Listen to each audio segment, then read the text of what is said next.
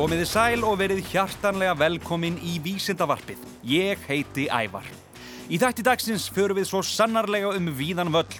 Við skoðum hvers vegna við verðum myrkfælinn og hvað gerist í líkamannum þegar við horfum á kattamindbönd. Við rannsókum skortýralýsi og svo ætlum ég aðtuga hvort það getur mögulega verið að skólinn byrji allt of snemma á modnana.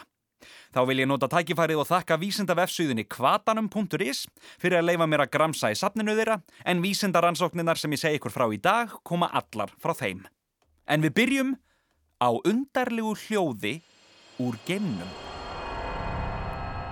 Upptaka sem sínir viðbröð geimfara Apollo 10 við óvenjulegum hljóðum í geimferð sinni rataði nýverið í fjölmiðla. Í upptökunni má heyra hvað gerðist þegar Apollo 10 flög fram hjá fjærhlið tunglsins í mæ árið 1969. Heyra má hljóð sem líkjast helst tónlist og voru geimfararnir eðlilega nokkuð undrandi. Á meðan tónlistin innan gæsalappa heyrðist, slittnaði samband við jörðu og myndust geimfararnir þrýr ekki á hana þegar samband náðist aftur. Á miðjum áttunda áratögnum var upptakan gerð opinber en rataði ekki á internetið fyrir en árið 2012. Eins og vill oft verða þá hafa samsæriskenningar sprottið upp varðandi ástæður þess að upptökunar hafi ekki verið gerðar opinberar fyrr og sumir veltaði fyrir sér hvort um sig að ræða hljóð frá gemverum. Því miður er skýringin að öllum líkindum minna spennandi en svo, en til að skýra málið þá byrti NASA færslu þar sem sagt er frá því að líklegast var engangu um að ræða rafseguls tröflanir. Við skulum heyra þessa furðulegu tónlist.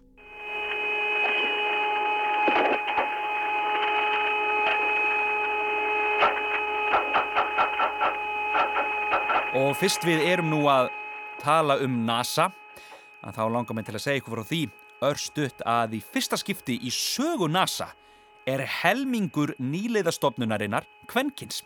Þetta kemur fram á vefsíðu New York Times. Meðal nýju geimfarana eru Dr. Jessica Meir sem er sjáarlífræðingur, Kristina Hammock Koch sem er með gráður í bæði eðlisfræði og ramagsverkfræði, auk Nicole Onpu Mann og Ann McLean sem báðar gengdu stöðum í bandaríska hernum. Nýliðarnir sem eru alls átta koma til greina sem geimfarar fyrir fyrstu ferð manna til Mars sem er áalluð fyrir lok fjörða áratugs þessarar aldar. Það er nú ekki það langt taka til. Að verða geimfari hjá NASA er ekki auðvelt verk en nýliðarnir átta voru valdir úr hópi yfir 6.000 umsækjanda. Þeir sem valdir verða til að taka þátt í fyrstu ferð mannkinsins til Mars munu koma til með að eigða í það minnstakosti einu og hálfu ári í geimnum en ferðin til Mars tekur um nýju mánuði og er áallega að geimfararnir verði á plánutinu í mánuð. Okay. Hvers vegna verðum við myrkfælinn? Flestir, ef ekki allir, muna eftir því að hafa á einhverjum tímapunkti í æskusinni verið hrættir við myrkrið. En það er kannski ekki myrkrið sjálft sem hræðir mann heldur það sem geti mögulega búið í því. Og þegar sjónin er ekki til að hjálpa manni þá getur þetta sem mögulega býr í myrkrinu snögglega breyst í hræðileg skrýmsli sem eiga sér enga stóð í raunveruleikanum. En hvers vegna er hræðsla við myrkur jafn algeng og raunber vitni?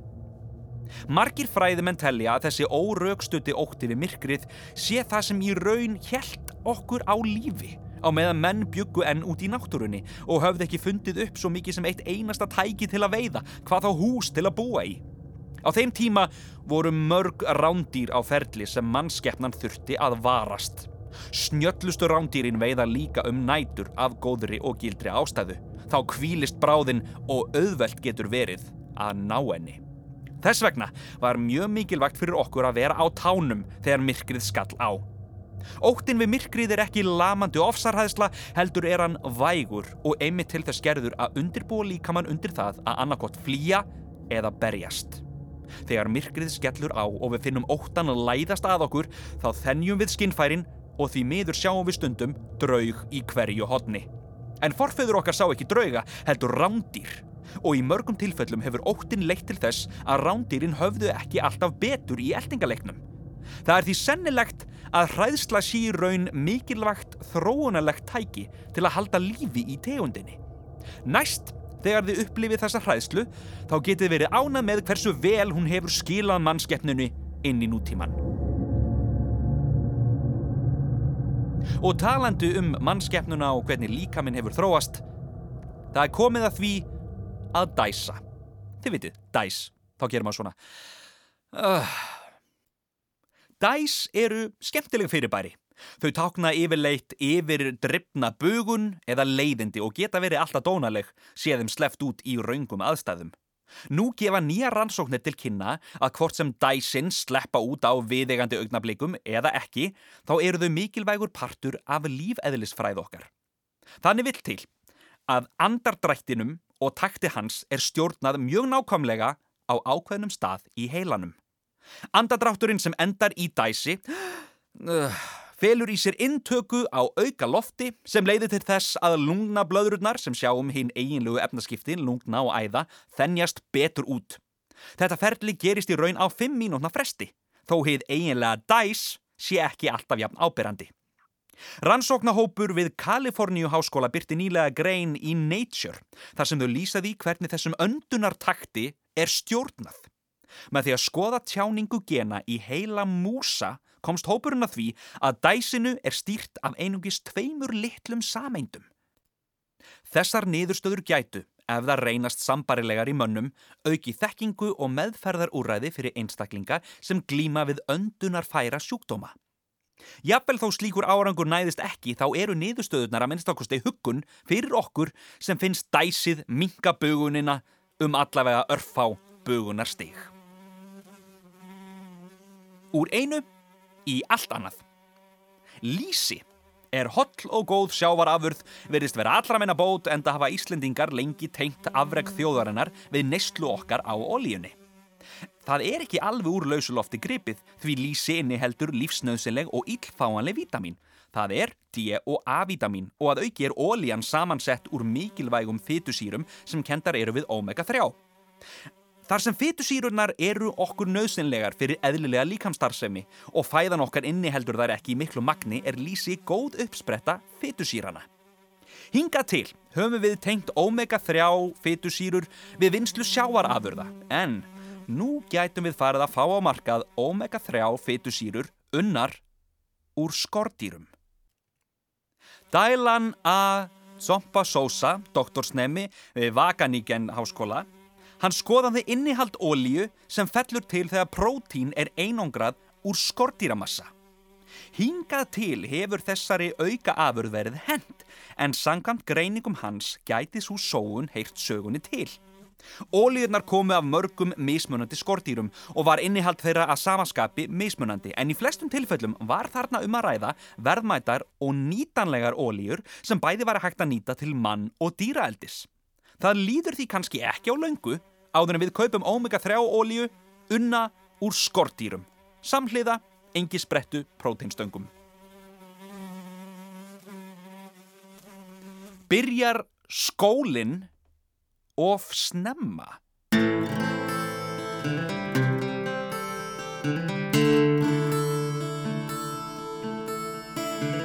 Svepp er mikið rannsakað fyrirbæri enda er svepp algjörlega stórkostlegur Það er svo skrítið að öll missum við meðvindund um það byrj þriðjungur sólarring.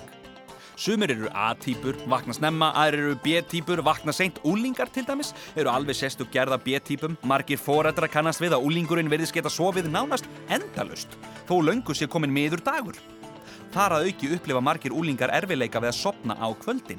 En lífið er ekki hannað í kringum þarfir úlinga og þess vegna neyðum við allar típur samfélagsins til að fylgja hegðunar minstri A-típunar. Vakna snemma, fari í vinnu snemma og svo framvegis. Ný rannsókn sem framkvæmt var við háskólana í Oxford, Nevada og Harvard bendi til þess að þetta sé mögulega ekki rétta leiðin. Rannsóknin leiti í ljós að fyrir 10 ára börn ætti skólinn ekki að byrja fyrir en halv nýja á mótnana.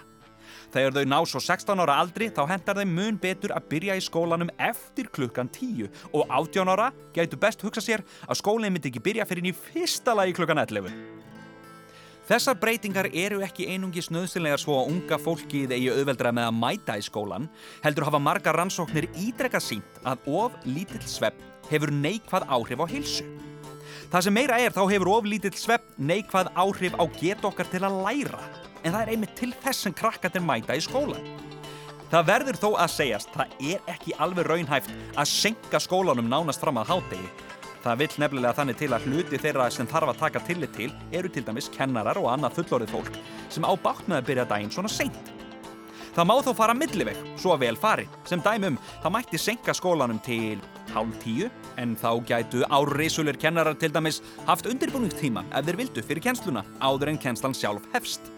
Hlutverk mentakerfisins er jú að koma ungu fólki út í heiminn með einhverja vittnesku í kollinum, en ekki bara slæmar minningar af langvarandi svefnskorti. Og úr einu í allt annað.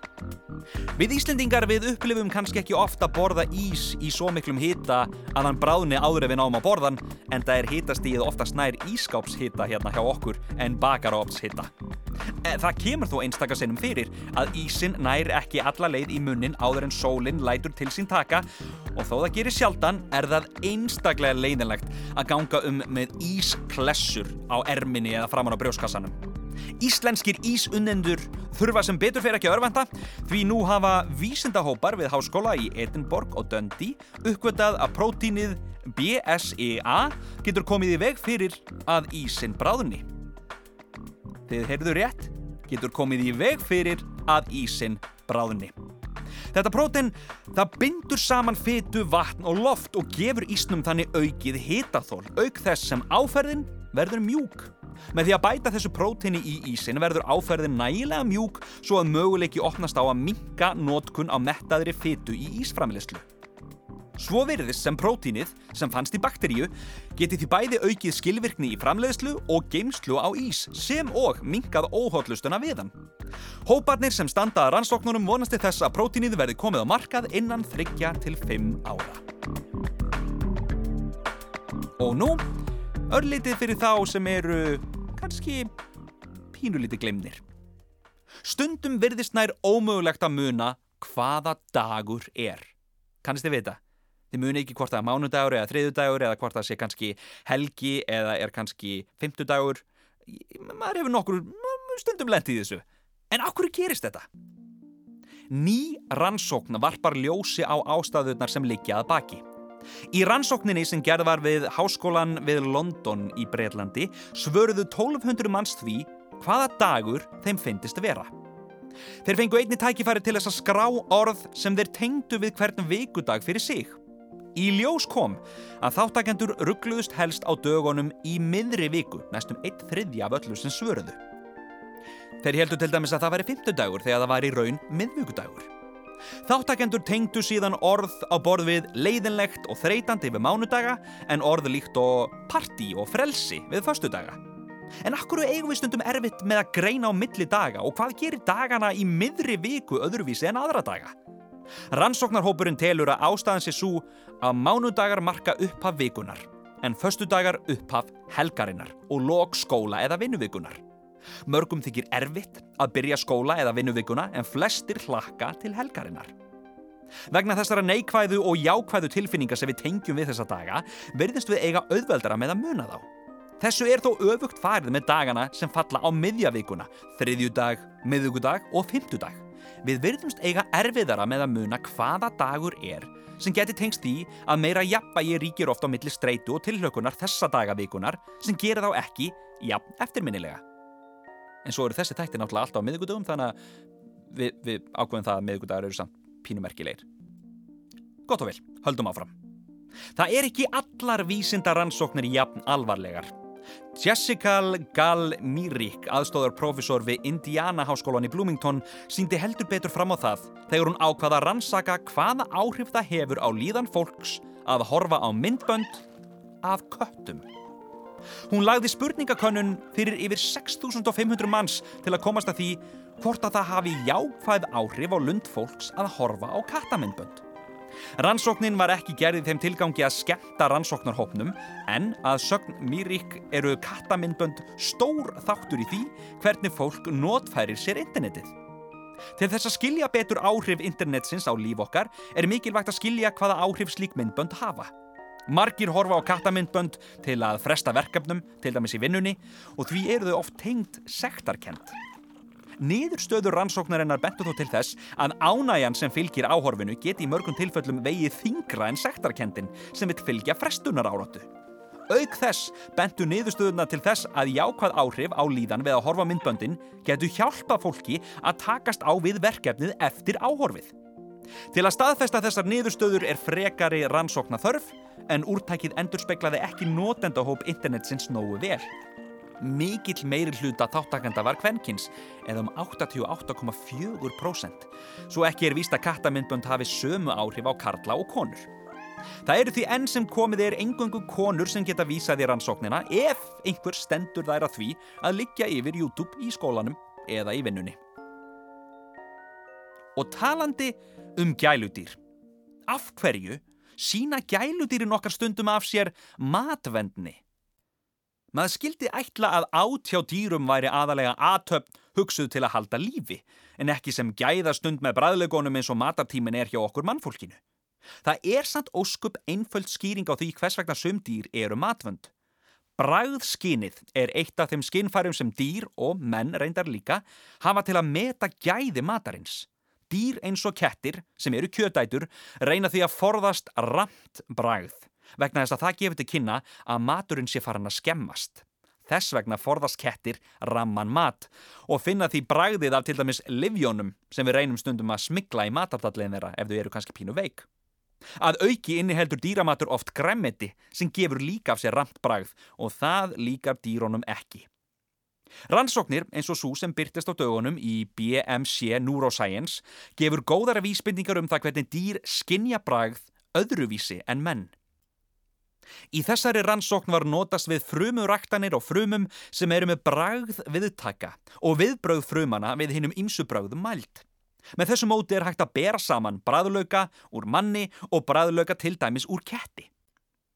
Niðurstöður sem þessar geta komið að góðum nótum þegar þróa á nýtt fóður fyrir dýr en þá er einmitt mikilvægt að fela ramt bragð svo dýrið borði sem mest af því sem fyrir það er borið.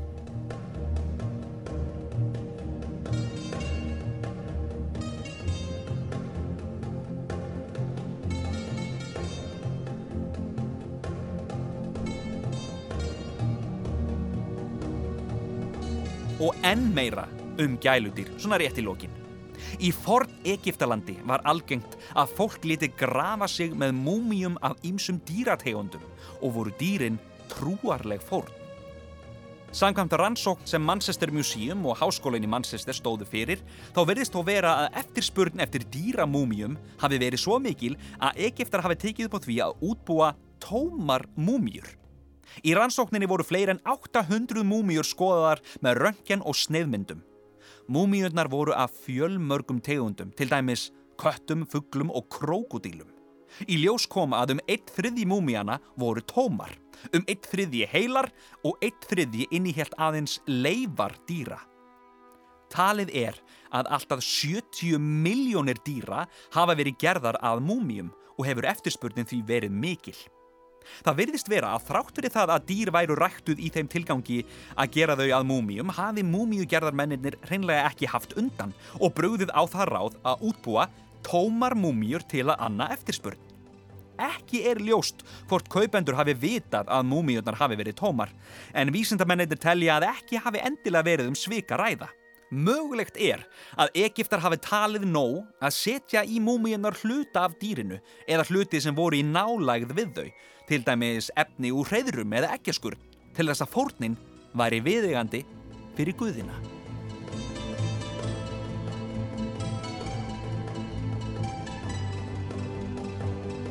Þættinum er lokið.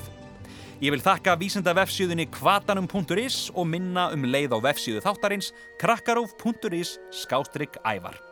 Þetta er ævar vísendamæður, yfir og út.